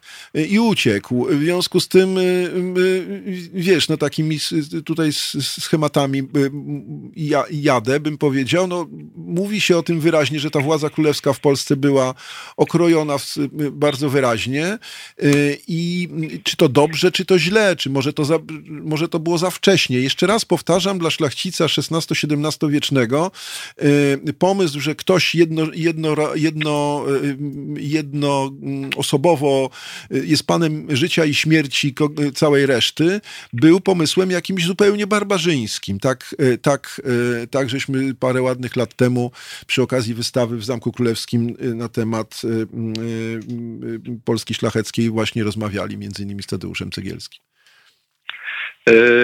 Zacznę od Mickiewicza, bo to będzie prościej tak, odpowiedzieć. Tak, zdecydowanie. Kult wiersza sprawia, że nie do końca rozumiemy, że czym innym jest młody Mickiewicz, czym tak. innym Mickiewicz piszący dziady, a jeszcze czym innym e, Mickiewicz starszy, który e, batorzy oświecenie mhm. I konstytucję 3 maja, to trzeba by rozmawiać wiesz, w gronie, w gronie tych, którzy e, mają naprawdę dużo do powiedzenia o samym wieszczu, mhm. Ja ze swojej strony mogę tylko powiedzieć, że te wykłady są jednym wielkim stekiem bluźnierstw pod adresem oświecenia. Mickiewicz bardzo osobiście do tego podchodził. To już był człowiek Zgorzkniały trochę. Przesycony pewnymi ideami i mhm. ideologiami nawet. Mhm. W związku z czym nie należy chyba traktować tego jako argumentu w dyskursie takim nawet quasi naukowym, jak teraz nie. Nie, nie, On po prostu nie, lubi całego XVIII wieku. Ja nie chcę tak traktować, tylko wiesz, tylko po prostu właśnie z tego powodu, od którego zacząłeś, to znaczy od tego, że mamy kult Mickiewicza, y, to, y, to warto o tym mówić, moim zdaniem, jako rzeczywiście ciekawostkę bardziej. Ja z tego, ja z tego nie chcę wyciągać daleko idących, y, daleko idących wniosków, chcę pokazać to jako ciekawostkę i właśnie w tym kontekście, o którym powiedziałeś, rzeczywiście na Collège de France był już opanowany pewną, e, pewną ideą fix, jeśli tak można by powiedzieć. E, I, natomiast warto by było, to też trochę przyczynek do, tego, do tej dyskusji o wyznawcach, warto by było kochać Mickiewicza, jeśli chcemy kochać Mickiewicza, ale jednocześnie sobie jednak zdawać sprawę, kim był i co mówił i jak był, jak, jakie uwarunkowania w jego życiu e, były, bo, bo, bo to są jakby zamykać oczy na różne rzeczy może mhm. nie należy. Dobra, skończmy Mickiewicza, z, z Mickiewiczem, e, natomiast przejdźmy do rzeczywiście ważniejszej rzeczy, to znaczy do tego stosunku e, polskiego ustroju i monarchii absolutnej na początku, przy powstawaniu. Mhm. Mhm. No to tutaj, jak mi się wydaje, należy odwrócić y, procedury, które zastosowałem na początku. To znaczy, ja chciałem się skupić na Polsce, a teraz wydaje mi się, że należałoby wyjść z Polski i mm. przypomnieć tych, którzy podróżowali do Polski tak. E, w XVII i XVIII mm. wieku, czy jeszcze pod koniec XVI i obserwowali, co tu się dzieje. Mm. Wydaje mi się, że dopiero to spojrzenie z zewnątrz pozwoliłoby y, nam się jakoś otrząsnąć z pewnych, y, z pewnych mitów. Tak. Otóż y, takie rozważania są prowadzone od, od lat. Nawet na naszym Tomku Wydziale powstają prace mhm. o relacjach zagranicznych podróżników dotyczących ustroju i obyczajów Rzeczypospolitej. I wiemy z całą pewnością, że na przykład Anglicy, a należy pamiętać, że nasz Stanisław August właśnie był zafascynowany angielskim parlamentaryzmem, Anglicy są zafascynowani. Y, nie tylko zresztą oni, ale skupię się może na nich. Y, zauważają, mhm. że jest to przekroczenie pewnych barier, których, które nie byłyby nie do przekroczenia w innych krajach. Krótko mówiąc, jest to fascynacja takim, można powiedzieć, z jednej strony y, orientalizmem, to znaczy czymś takim z zewnątrz y, bardzo, bardzo obco wyglądającym, ale zarazem y, taką egzotyką, która fascynuje. Mhm. Fascynuje wraz z tą egzotyką też ustrój. Tylko, że Anglicy bardzo często miewali problemy, jak nazwać to, co się tutaj dzieje. I sam fakt, że nie potrafią go nazwać, bo nie wiedzą, czy to jest na przykład Commonwealth, tak, -huh, albo -huh. Republic, świadczy o tym, że no być może pojawił się w Europie jakiś taki system rządów, który, y, na które ta Europa była nieprzygotowana, w związku z czym -hmm. to fascynowało automatycznie. Y, z drugiej strony owi podróżnicy, y, jeżeli pójdziemy sobie troszeczkę dalej, to znaczy wyjdziemy z XVI wieku i przejdziemy się przez XVII takim dużym krokiem, zauważali, że to się stopniowo degeneruje. Tak. To znaczy, -hmm. nie jest źle, nie jest zły sam pomysł liberum veto. Właśnie. Złe, złe jest to, co się z nim dzieje. Złe jest to, że ten, kto mówi wolne nie pozwalam, jest w stanie e, wynieść się nad samego monarchę. Zresztą, zresztą przepraszam cię jeszcze, to pewnie mnie poprzesz, e, to nie jest też tak, że to liberum veto od początku, od początku Sejmów polskich było czymś, czymś częstym, tak? To po pierwsze było raczej takim, takim głosem, powiedziałbym, proceduralnym na początku bardziej niż merytorycznym. Dopiero później Później rzeczywiście ta procedura kupowania głosów kogoś, kto, kto krzyczał i zrywał sejmy, jak to się mówiło, y, stała się powszechna. Czy w każdym razie może powszechna, nie powszechna, ale w każdym razie dużo częstsza, co uniemożliwiało y, y, procedowanie, gdybyśmy, jakbyśmy dzisiaj powiedzieli. W związku z tym to, to też jest przesada, że to liberum veto było takim jakby zwyczajem sejmów polskich przez, przez całą, całą historię demokracji szlacheckiej. No tak, tylko problem polega na tym, że y, do własnych pomysłów, nawet najgenialniejszych, no niestety trzeba, mhm. trzeba po prostu dojrzeć. Dorosnąć, tak. Mhm. Wydaje się, że y, nasi oświeceni, wprowadzając konstytucję, wcale nie chcieli przekreślić tradycji, tak jak to mówiłem, i wcale nie chcieli mhm. wieszać psów na wszystkim, co było, tylko po prostu no, potrzebowali jakiegoś wyrazistego wroga. Tak? To tak jest, jak się buduje coś nowego, że trzeba wskazać tego, z kim walczymy. Oni, wydaje mi się, doskonale doskonale byli świadomi e, tego, że należy jak najbardziej, jak najwięcej korzystać z przeszłości, mhm. E, no ale e, trzeba też pewne rzeczy z niej wykreślić. Krótko Jasne. mówiąc, zdecydowali się na ruch radykalny, zarówno myśliciele oświeceniowi, i pewne rzeczy, e, pewne rzeczy e, tępili bardzo wyraźnie, doskonale zdając sobie sprawę z tego, że być może przesadzają, ale to tak już właśnie -hmm, jest, mm -hmm. kiedy się buduje oświecenie. No, po prostu ono musi być przeciwko czemuś, no, musi być przeciwko wynaturzeniom przede wszystkim, przeciw temu, co nieracjonalne. Nie, jasne, każda... To, każda... Liberum to było właśnie nieracjonalne. Mm -hmm. Znaczy, generalnie oczywiście to jest, to jest znany, znany sposób, czy znany proces, który polega na tym, że jakaś kultura się Y, buduje swoją tożsamość poprzez negację poprzedniej. I oczywiście ta poprzednia y, jawi się zawsze, każda się jawi jako degeneracja. Tak? Bo, bo, bo jest w takim, y, ja to zawsze opowiadam w takim, jak sobie wyobrazicie, wykres gaussowski, taki, taki klasyczny wykres gaussowski, to, to, no to ta degeneracja jest zawsze na końcu. To zdrowe było najpierw w pomyśle, w manifestie i w tym szczytowym okresie, y, y, takim, w którym wszystko dobrze funkcjonuje, znaczy zostało wymyślone i funkcjonuje. To dotyczy każdej teorii w gruncie rzeczy. To nie chodzi tylko o sarmatyzm. I później, y, i później czy demokrację szlachecką raczej. I później ona się zawsze jakoś tam, to, to widać na Imperium Rzymskim, no w zasadzie wszędzie. Taka jest, taka jest logika. Natomiast i następna epoka, tak jak ojciec kłóci się z synem, czy raczej syn z ojcem i zwróćcie uwagę, że zawsze syn y, nie patrzy na to, y, co dobrego ojciec zrobił ileś lat temu, y, co ma, jakie ma zasługi, tylko patrzy na to, co, co, co jest teraz, z czym, z czym się w tym momencie, w tym, w tym momencie kontaktuje, a tu zwykle ten ojciec, czy niestety bardzo często jest takim już autorytarnym, trochę zgorzkniałym człowiekiem, który który nie jawi się temu synowi najlepiej. Także to jest taki proces y, bardzo, y, bardzo naturalny. Natomiast ja bym chciał cię jednak poprosić, bo ty uciekasz do konstytucji, być może dlatego, że tematem jest konstytucja, ale no chciałem, tak. ale ja bym chciał jednak szerzej, tak jak cię uprzedzałem. To znaczy cały czas y, dla mnie jest ważne to pytanie szalenie, ja wiem, że nie odpowiemy na to pytanie, tylko czy, trochę odpowiedziałeś może, czy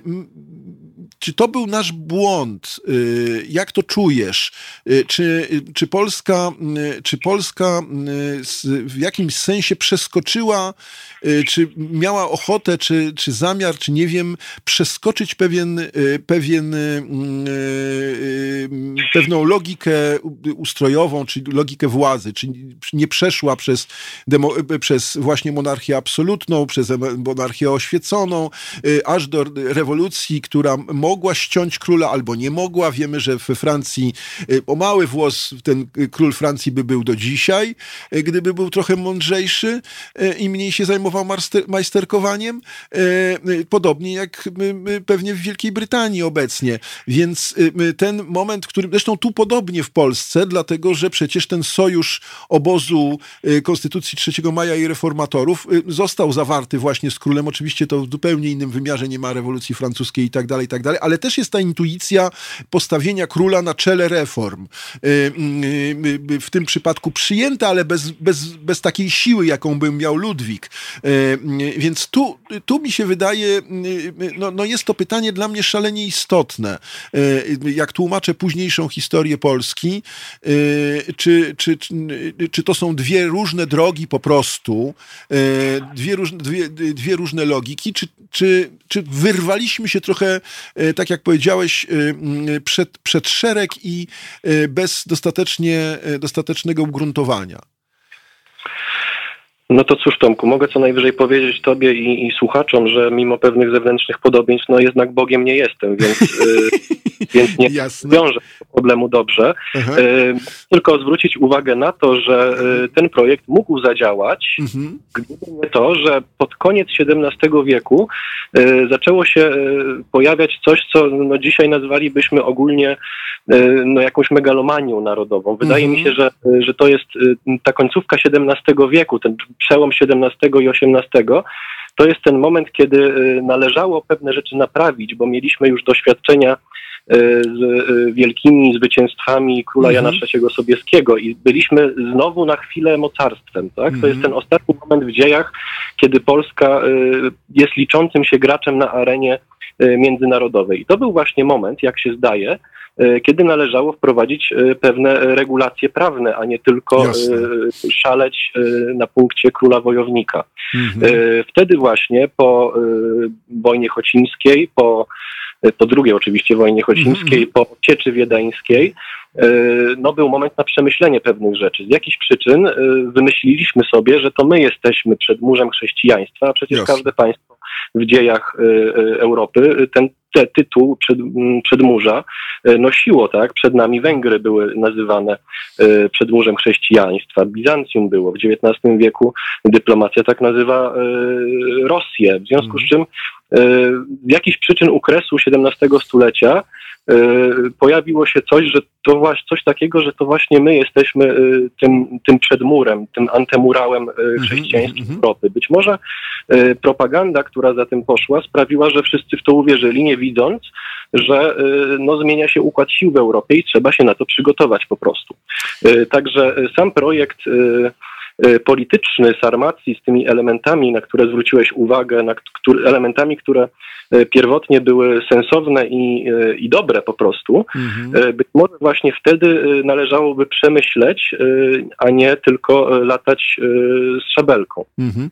Słuchaj, jeszcze wrócę na chwilę do tego, co powiedziałeś, że, że Polska była obiektem zainteresowania no, wielkich myślicieli. Były przecież uwagi o rządzie polskim. No, no bardzo, bardzo, bardzo, bardzo często E, Polska była takim przedmiotem refleksji, e, refleksji e, myślicieli politycznych Zachodu y, rzeczywiście, to warto, warto zwrócić na to uwagę, tak jak teraz się ekscytujemy Rosją, y, to ja mam też trochę takie wrażenie, że y, bo toczy się w Polsce też taka dyskusja, czy Polska to wschód, czy zachód. I mam takie wrażenie, że w tym czasie, kiedy tak jak mówisz, Polska była jednak takim, takim tworem, który był no, najważniejszym królestwem spoza Cesarstwa Rzymskiego, spoza dawnego Cesarstwa Rzymskiego, tak? Czyli spoza tej tradycji, która, która gdzieś tam ma taką legitymację zachodnią, e, jak myślę, że to sięga do, tego, do tegoż cesarstwa. I, i, I, ja zawsze sobie myślę tak, że e, jakby na przykład patrząc na opis wjazdu poselstwa polskiego e, do Paryża, właśnie a propos Walezego, to mieliśmy do czynienia z czymś, co ty mi sprowokowałeś, przypomniałeś, mianowicie do tego manifestacyjnego przepychu, do tego pokazania, jacy my jesteśmy wielcy i wspaniali. I niestety mam też moment, w którym myślę sobie tak, że y, y, y, tak, mogliśmy pokazywać siłę, czy pod Wiedniem, czy gdziekolwiek indziej. Mogliśmy pokazywać cywilizacyjne, nawet wyprzedzenie, bo tak było na, w zamkach polskich w stosunku do zachodnich e, i tak dalej, i tak dalej, a jednak nigdy nie mieliśmy do końca takiego, e, takiej, takiego paszportu zachodniego, bym powiedział, mimo wszystko.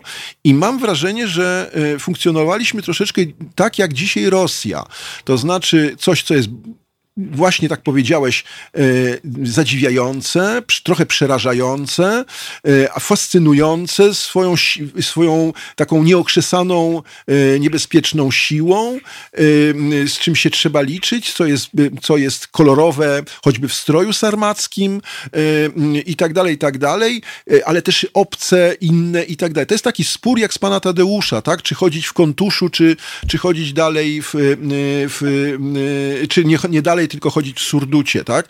E, więc ten, ten, te elementy gdzieś tam, gdzieś tam grają. Myśmy e, myśmy postanowili później być bardzo zachodni i, no i teraz tak to wygląda. Jeszcze to zawsze łączę z, z takim mm, stwierdzeniem, które w Polsce mnie fascynuje. To generał Dukaczewski, ja to będę do końca życia cytował. Parę lat temu powiedział, że Rosja jest mocarstwem od zawsze, co mnie doprowadziło do, do zupełnego zadziwienia, tak? Dlatego, że e, to pokazuje na jakąś polską zupełną niepamięć dotyczącą, e, dotyczącą pierwszej Rzeczpospolitej e, i jej roli w, w, w Europie. I, kiedy po, ktoś taki jak generał Dukaczewski potrafi powiedzieć, że, że, że Rosja jest moca, czy była mocarstwem od zawsze.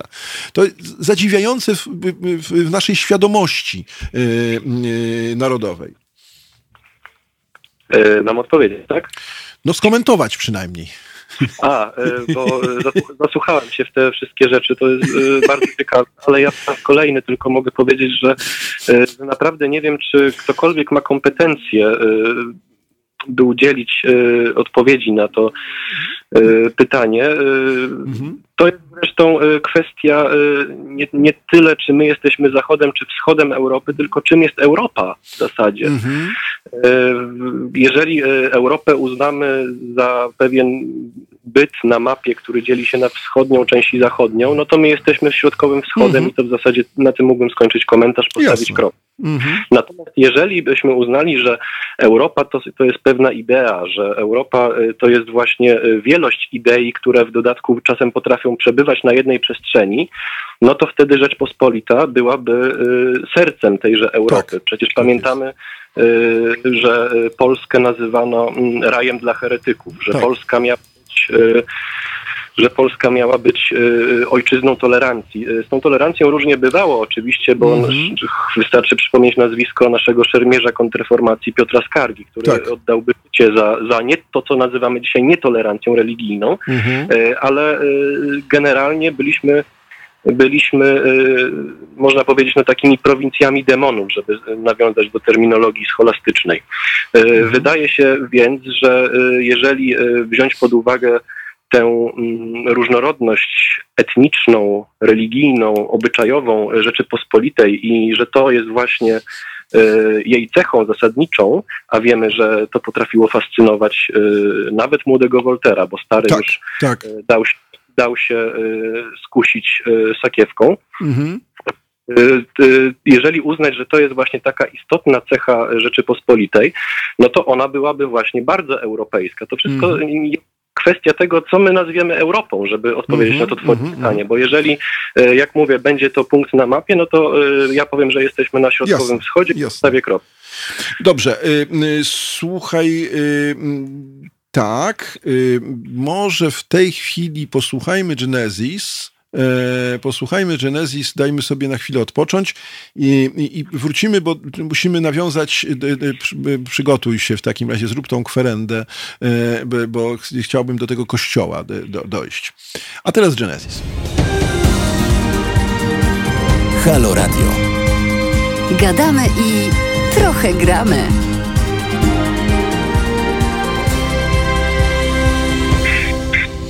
Zostało nam, słuchajcie, około 20 minut e, spotkania z, z Sarmacją i z e, Konstytucją 3 maja, jako takie jakieś tam zwieńczenie tego, e, tego, tego okresu, jak myślę. Rozmawiamy z doktorem Igorem Barkowskim, z moim kolegą z Uniwersytetu Warszawskiego. Mm, przypominam, jeszcze macie szansę 20, zadzwonić 22 39 059 22, napisać y, y, cokolwiek. Jeśli was to zainteresowało, o czym mówimy, a czegoś nie usłyszeliście, albo chcielibyście powtórzyć, albo chcielibyście polecić, co bardzo bym się cieszył, y, naszą rozmowę komuś innemu, to jutro, pojutrze, za tydzień, za pół roku można jej posłuchać e, e, na naszych podcastach. Ja też powiem jedną rzecz, o której miałem powiedzieć wcześniej, bo Igor się na to powołał. Jeśli pogrzebiecie na mojej stronie internetowej, e, to rzeczywiście rozmowa z Igorem tam jest w dalszym ciągu gdzieś do wygrzebania. Już dość trzeba by przy, przewinąć mocno te, ten mój fanpage, ale, ale, y, ale gdzieś można się dogrzebać do, do, do tej rozmowy, więc serdecznie, serdecznie polecam i zapraszam. To rzeczywiście ze trzy lata temu było albo lepiej. I i wracamy do naszej rozmowy. Zanim o kościele Igorze, to dwie rzeczy, które tutaj nasi wnikliwi, jak mówię, słuchacze y, napisali. Marek Jerzy napisał, że Polskę wykończyły wojny i kontrreformacja. Średnia szlachta zubożała, zginęła na wojnach, zostały, zostali oligarchowie z prywatnymi, z, z prywatnymi armiami i zaścianek. E, z drugiej strony rozumiem. E, to jest jeden głos, który ewentualnie bym cię prosił o skomentowanie. Zupełnie z innej beczki e, Mateusz mówi o tym, już kieruję bezpośrednio do ciebie pytanie, mówiąc o tym, że Sarmacja Jacka Kaszmarskiego mówiła, że współcześni Polacy nie różnią się bardzo od tych sarmatów, o których tak się źle y, wypowiadają. Czy, czy zgadza się pan, czyli nie, czy zgadzasz się ty, y, żebym to prze, przetłumaczył z takim, z takim stwierdzeniem, czy jest to uproszczenie, pyta Mateusz. Gdybyś mógł, zanim do tego kościoła przejdziemy, jednak, bo nie chciałbym Jacka zlekceważyć z początku audycji, to byłbym ci wdzięczny. Jasne, oczywiście. Witam jeszcze raz wszystkich piszących i słuchających. E, na to pytanie, co wykończyło Polskę, to ja mogę powiedzieć tylko tyle, że e, no ja też jestem synem oświecenia, bo wydaje mi się, że oświecenie e, zgodnie z taką periodyzacją Jacques'a Legoffa, mhm. to jest ten okres, który zaczął się po roku 1800, w związku z czym my w oświeceniu żyjemy. Ja mogę tylko się podpisać pod tymi myślicielami końca XVIII i początku XIX wieku, że Polskę, jeżeli coś wykończyło, no bo ostatecznie jako byt polityczny przecież istnieje, więc bez przesady. Mhm. Ale jeżeli rzeczywiście coś ją wykończyło w okresie przedrozbiorowym, no to, y, no to ona sama oczywiście. Ja nie umiem y, powiedzieć, czy wykończyła ją kontrreformacja, bo kontrreformacja miała też y, swoje wielkie zasługi, z których dzisiaj zdajemy sobie sprawę tylko i wyłącznie wtedy, kiedy no, studiujemy określony kierunek. No, mhm. Trudno sobie wyobrazić studia z historii sztuki na przykład bez E, tego stylu kontrreformacyjnego, katolickiego, prawda, mm. który, e, barokowego, który tak. wtedy wykwitł. Także tutaj każdy tak. Tu przepra innego... Przepraszam cię Igorze, tu rzeczywiście to trzeba, e, to, to rzeczywiście dziękuję ci za to, to trzeba podkreślić, bo rzeczywiście barok polski jest barokiem bardzo dobrym, bardzo, znaczącym, wytwarzającym bardzo dużo różnych nawet polskich specyficznych, specyficznych faktów kulturowych, jak choćby portret trumienny, na który się zwykle powołujemy i bodajże w Wilanowie te, te, te portrety trumienne można oglądać, ale również cały szereg innych literackich i architektonicznych perełek baroku i rzeczywiście polska kultura, jeśli chodzi o cywilizację baroku, jest bardzo zasłużona. To tyle. Mhm. E, także e, tutaj e, każdy miałby być może coś innego do powiedzenia ze, swojej, ze swojego podwórka, czyli ze swojej dyscypliny humanistycznej, którą mhm. akurat uprawia. No, ja ze swojej mogę tylko powiedzieć, że żaden silny naród nie upada pod wpływem innego narodu. Upada dlatego, że jest z jakichś słaby. przyczyn słaby. Mhm. To jest tak i trzeba cytować do końca świata myślicieli oświeceniowych, którzy zdiagnozowali problem. To nie Rosja y, jest zła, albo Prusy, albo Austria, to my byliśmy za słabi, żeby się obronić, w związku z czym to w nas samych najwyraźniej gdzieś tkwi ta słabość. Czy ona wynika z kontrreformacji, nie wiem, wydaje mi się, że czynników jest znacznie więcej. E, ja Jasne. tylko podpisuję się e, pod głosami moich ojców, oczywiście nie genetycznych, tylko białowych. Co do Jacka Kaczmarskiego, mhm. Mm, na to pytanie, żeby odpowiedzieć, to ja bym teraz sobie przypomniałem taką jego wypowiedź z lat 90., 94 roku, kiedy powstał program Sarmatia. Jeszcze raz przypomnijmy może, że on nosi właśnie taki tytuł, a nie sarmatyzm, mhm, prawda? Mhm. Tak, tak. Kiedy on, e, kiedy on e, tłumaczył swoje idee, dlaczego w ogóle to, e, to powstało, to on użył takiego sformułowania, którego ja używam po dziś dzień, kiedy prowadzę zajęcia na Wydziale Polonistyki o sarmatyzmie i wtedy właśnie omawiamy Kaczmarskiego i jego słynne, dla mnie słynne i bardzo ważne, niesłusznie zapomniane słowa, że ona została napisana, słowa i muzyka, przeciwko tym, którzy używają historii w roli sztandaru. Mhm. E, ponieważ Jacek Kaszmarski był e, uczniem e, dziekana dzisiejszego Wydziału Polonistyki, profesora Zdzisława Libery, przepraszam, Zbigniewa Libery. Mhm. Nie, Zdzisława właśnie. Tak. Mm, I, i badaczem oświecenia. Mhm. Jego perspektywa była właśnie oświeceniowa. Innymi słowy, oświeceniowa perspektywa kazała mu myśleć o przeszłości nie jako o sztandarze tej czy innej partii, tylko o czymś, Y, z czego należy wyciągać wnioski. To nie ma znaczenia, czy, y, czy my jesteśmy prawicowi czy lewicowi. Ważne jest to, jakiego rodzaju wnioski wyciągamy z przeszłości. Y, nie może być tak, że ta przeszłość jest opisywana i traktowana przez nas z konkretnej perspektywy, to znaczy bardziej z lewa bądź bardziej z prawa, bo to nie ma znaczenia, czy sztandar jest biały czy czerwony. On ma być biało-czerwony, to znaczy i trochę z lewa, i trochę z prawa. Tak? To rozumienie procesu historycznego nie może być ani batorzeniem przeszłości, ani e, bezmyślną apologetyką. E, czyli, Także ten czyli tu, tu był napisany przeciwko tym, którzy robią z historii taki albo inny sztandar. Czyli to wracasz, czy przypominasz mi taki motyw, może, może y, nasi słuchacze pamiętają z jednych z początkowych moich y, programów Halo Radio, kiedy mówiliśmy o, y, o takim pojęciu polityki historycznej, tak? To znaczy te, tego, że oczywiście ja wtedy mówiłem, że obraz historii, szczególnie w różnych narodach, szczególnie sąsiadujących, mamy zwykle e, inny i mamy do tego prawo, bo widzimy jakby te same zjawiska z naszej perspektywy, ale mm, to jest, tu jest w porządku i do tego momentu można dialogować i y, mówić sobie wzajemnie. Polacy mogą mówić Niemcom, czy Rosjanom, czy Czechom, czy kogokolwiek, czy Litwinom, jak do pewnych faktów podchodzą, a oni mogą mówić, jak oni podchodzą, czy Ukraińcom na przykład, i próbować się wzajemnie rozumieć.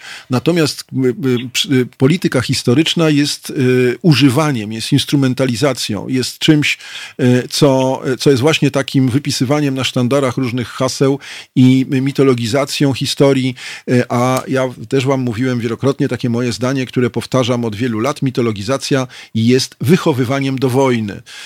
Takie jest moje zdanie, może nieco uproszczone i, i, i publicystyczne, ale trzymam się tego zdania. Mm, dobrze.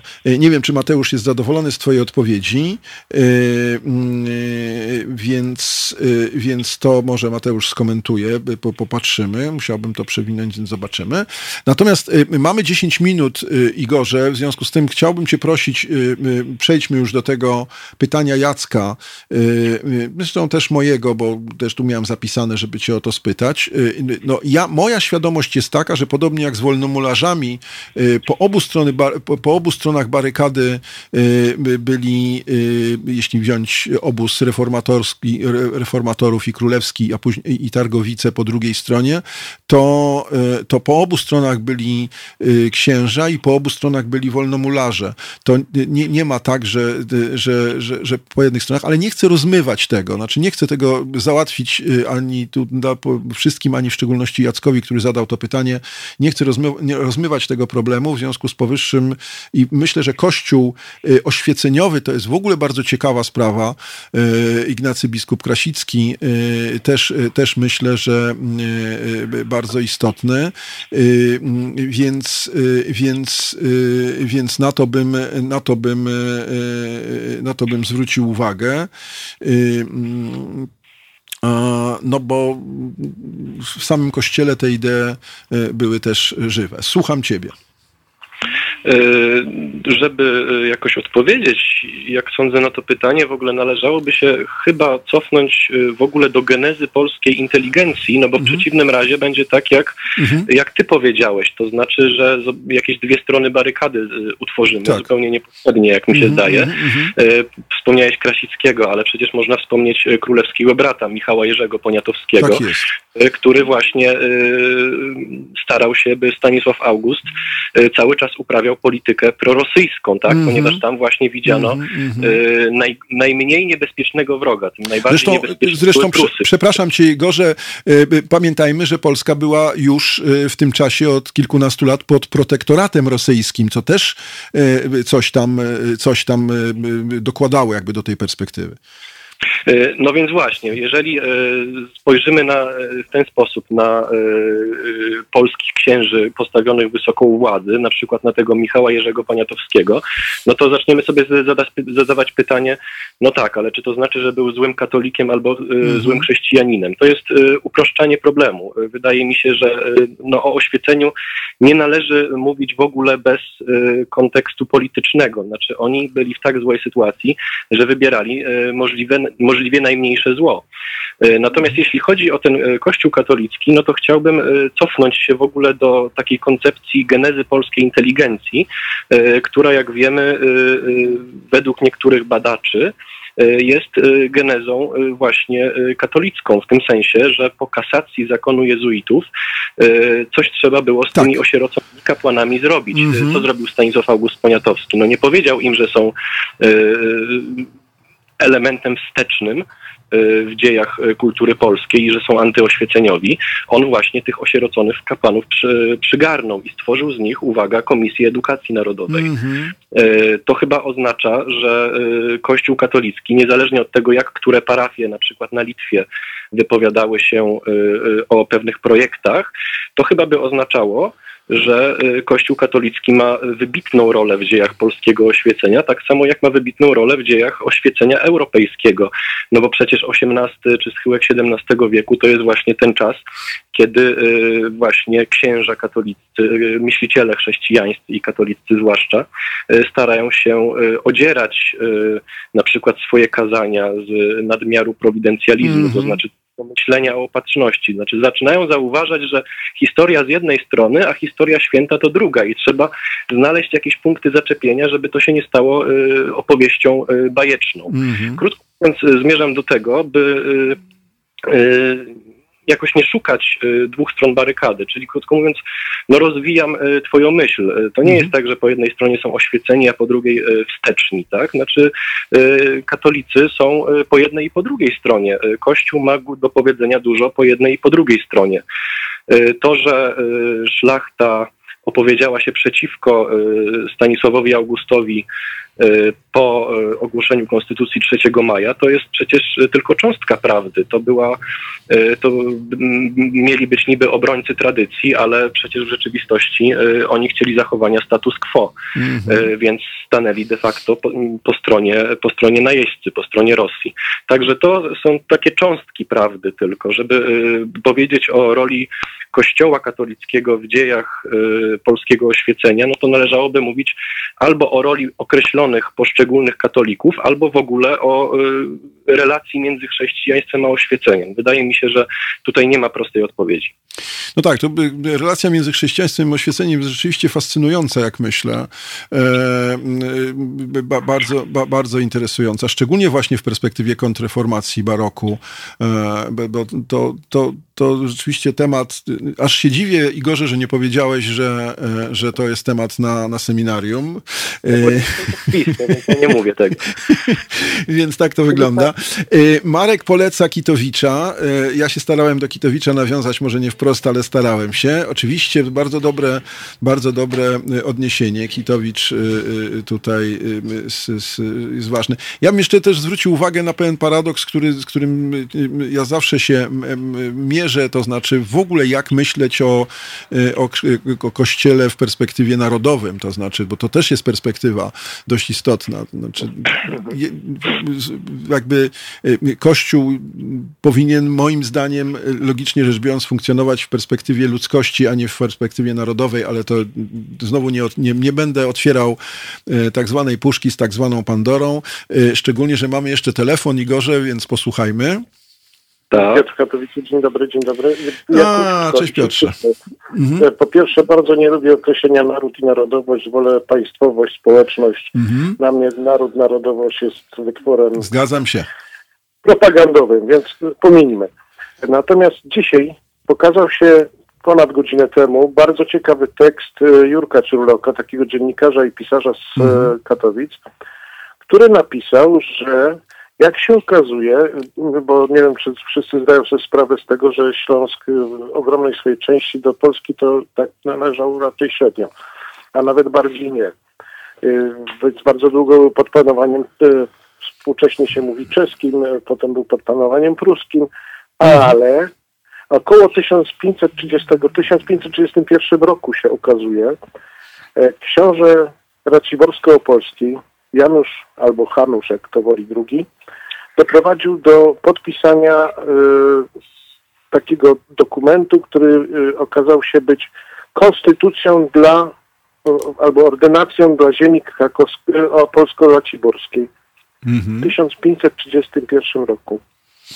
Tam, był, tam była konstytucja. Po prostu. Rozumiem. Tam był układ władz, tam był trójpodział. Oczywiście na ówczas, na ówczas, pamiętajcie, 1531. Mhm. Wrzucam temat do zastanowienia na przyszłość. Dobra. Wielonarodowościowy, wielonarodowościowy właśnie, wielospołecznościowy. Mhm. Jak, ta, jak ta historia nas kształtowała i naszą dzisiejszą świadomość. Dziękuję bardzo. E, dziękuję Piotrze. E, pojęcie narodu to też jest pojęcie, które należy do, do moich ulubionych, e, szczególnie w odpowiedzi na no właśnie straktowanie historii sztandarowo, o którym przypomina Igor za Jackiem Kaczmarskim. Ja tylko chcę powiedzieć, żeby zrobić klamrę, może jeszcze dwa słowa powiesz Igorze na ten temat, ale już rzeczywiście dwa słowa, że to, co mnie zafascynowało, kiedy, kiedy czytałem na nowo Konstytucję 3 maja, to te parę lat temu, o których, które mi tu wypomniałeś, kiedyś, kiedy rozmawialiśmy pierwszy raz, y, to jest to, że i to będzie korespondowało trochę z tym kościołem, z chrześcijaństwem, że w Konstytucji 3 maja jest zapisane wprost, y, że dominującą religią w Polsce jest y, religia katolicka, ale to mnie zachwyciło, powiem wam szczerze, y, że y, tam w tym dokumencie jest napisane w tym samym zdaniu, po przecinku,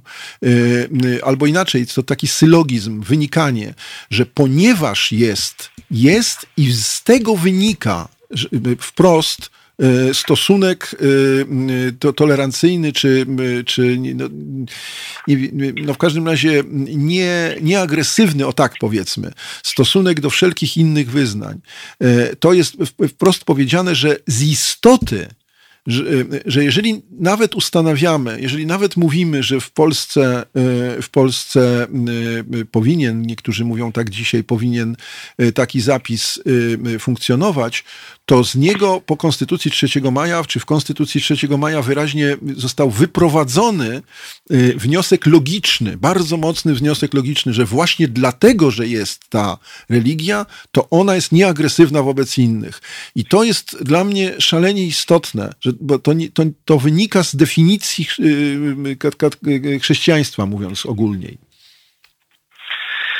Tak, na rozmaite sposoby, jak sądzę, można by to zrozumieć. Mhm. Ja też nie sądzę, żebym miał jakiś, jakieś prawo do powiedzenia tego, jak było, a jak nie było na, na 100%. Jasne. Jedna możliwość jest taka, że, że jest to pewnego rodzaju wymóg prawny znaczy ten punkt o religii panującej, który jest pierwszym w ogóle punktem e, naszej konstytucji, czy też ustawy rządowej. E, otóż państwo ówczesne ma charakter wyznaniowy i dopóki tego nie zrozumiemy, e, nie zrozumiemy logiki dziejów i logiki praw w dziejach, to, to będzie to dla nas właśnie tak jak dla ciebie fascynujące. Z drugiej strony, no rzeczywiście wyraźnie widać, że jest tutaj próba zrobienia tego, o czym o czym mówiliśmy sobie wcześniej, to znaczy mhm. o tolerancji religijnej jako pewnym wyznaczniku sarmacji, prawda? Mhm. E, no to właśnie był ten ukłon oświeconych w kierunku owej sarmacji, w kierunku przeszłości XVI-XVII wiecznej, to znaczy oni zachowali katolicyzm jako religię panującą, ale dokonali takiej pewnego rodzaju zagrywki retorycznej, to znaczy pokazali e, w duchu oświecenia, e, że skoro zachowujemy e, najistotniejszą cechę tego narodu, przepraszam za to brzydkie słowo, mm. z przeszłości, no to zachowujemy też inne elementy, nie przekreślamy innych wyznań i religii. Mhm. Krótko mówiąc, czynimy Kościół opiekunem tak. tego opiekunem i gospodarzem tego wielonarodowego bytu, e, no, po, no bo w perspektywie e, twórców konstytucji było no, odtworzenie państwa w jego no może mhm. niedawnych granicach, ale w granicach, które nie będą aż tak y, drastycznie uszczuplone. Jasne. W związku z czym to pewnego rodzaju dekret y, oświecenia z przeszłością, jak sądzę. Yy... Ale z drugiej strony cały czas mam poczucie, że jest to pewnego rodzaju wymóg retoryczny, wy, wynikający z tego, że państwo tamtych czasów jest y, państwem o charakterze wyznaniowym i tak po prostu musiało być. Yy, tu ja się wytłumaczę z tej fascynacji tylko na koniec. To znaczy powiem ci, że to, dlatego mówię o fascynacji, bo to jest w ogóle fascynacja wobec tego, o czym powiedziałeś, to znaczy wobec tej kultury. Aczkolwiek też nie mamy już czasu, ale na pewno wiesz, że Janusz Tasbir swojego czasu tę tolerancję, czy tę atmosferę trochę podważał, mówiąc, że to tak naprawdę był, jak by mówił Janusz Tasbir, trochę tumiwisizm, tak? To znaczy, że możemy się zastanawiać nad tym, na ile w dobie wojen religijnych na zachodzie Europy Polska była taką enklawą, dlatego że była właśnie tak Y, oświecona, czy że tak powiem, czy tolerancyjna, czy cokolwiek, a na ile po prostu y, była taka, bo nikt do, do tego nie przywiązywał wagi. Ale to rozmowa, da, myślę, że już nie, nie, chcę, żebyś się ze mną kłócił teraz, bo już musimy kończyć. Y, więc to, to, to moje wilcze prawo kończącego program, żeby moje zdanie było ostatnie. Muszę się dostosować. Dobrze, ale może jeszcze, może jeszcze o tym porozmawiamy kiedy indziej. Dziękuję Ci bardzo, Igorze. Dziękuję Wam wszystkim, którzy tutaj pisaliście, dzwoniliście i, i komentowaliście. Przypominam, że naszym gościem, myślę, fascynującym również, ciekawym i żałujcie tylko, że nie widzicie jego diabolicznej, diabolicznej fizjonomii, o tak bym powiedział, to też jest ważne. Jest, by, czy był, ale jeszcze jest pewnie, bo jeszcze pewnie nas słyszy. Słucha sobie. doktor Igor Barkowski y, z naszego kochanego wydziału i z naszej kochanej Alma Mater. Y, y, dziękuję Wam bardzo serdecznie. Dziękuję również za te początki dzisiejszej audycji. Może one też były potrzebne. I zapraszam po pierwsze na za chwilę na spotkanie z Jankiem Śpiewakiem, a ze mną w środę. Pozdrawiam serdecznie. Dzień dobry. Nazywam się Kuba Wątły. Jestem pomysłodawcą projektu Halo Radia, pierwszego w Polsce w pełni profesjonalnego medium dla obywateli. Dla niektórych z Państwa jestem też ojcem dyrektorem, chyba dlatego, że czasami udzielam się w naszych programach nagle i z zaskoczenia. I dobrze, wszak dobre toruńskie wzorce są zawsze w cenie, no poza tym jednym. Pan Rydzyk gromadzi pieniądze, by nas dzielić i z czasem doprowadzić do wojny domowej na tle religijnym. My prosimy natomiast Państwa o wsparcie, by móc z Wami rozmawiać, by wspólnie się uczyć, by tolerancję zastąpiła akceptacja. Zauważyliście, jak różne są te dwa słowa? Akceptujmy siebie i akceptujmy to, że po 30 latach, od 1989 roku, tylko dzięki państwu możemy tworzyć medium bez udziału polityków i nie na pasku korporacji. Pamiętajcie o nas codziennie. Jeśli chcecie być częścią naszej społeczności, to słuchajcie, oglądajcie, piszcie, mówcie i finansujcie swój obywatelski projekt Halo Radia www.halo.radio ukośnik SOS. Dziękuję w imieniu wszystkich dziennikarzy i swoim własnym.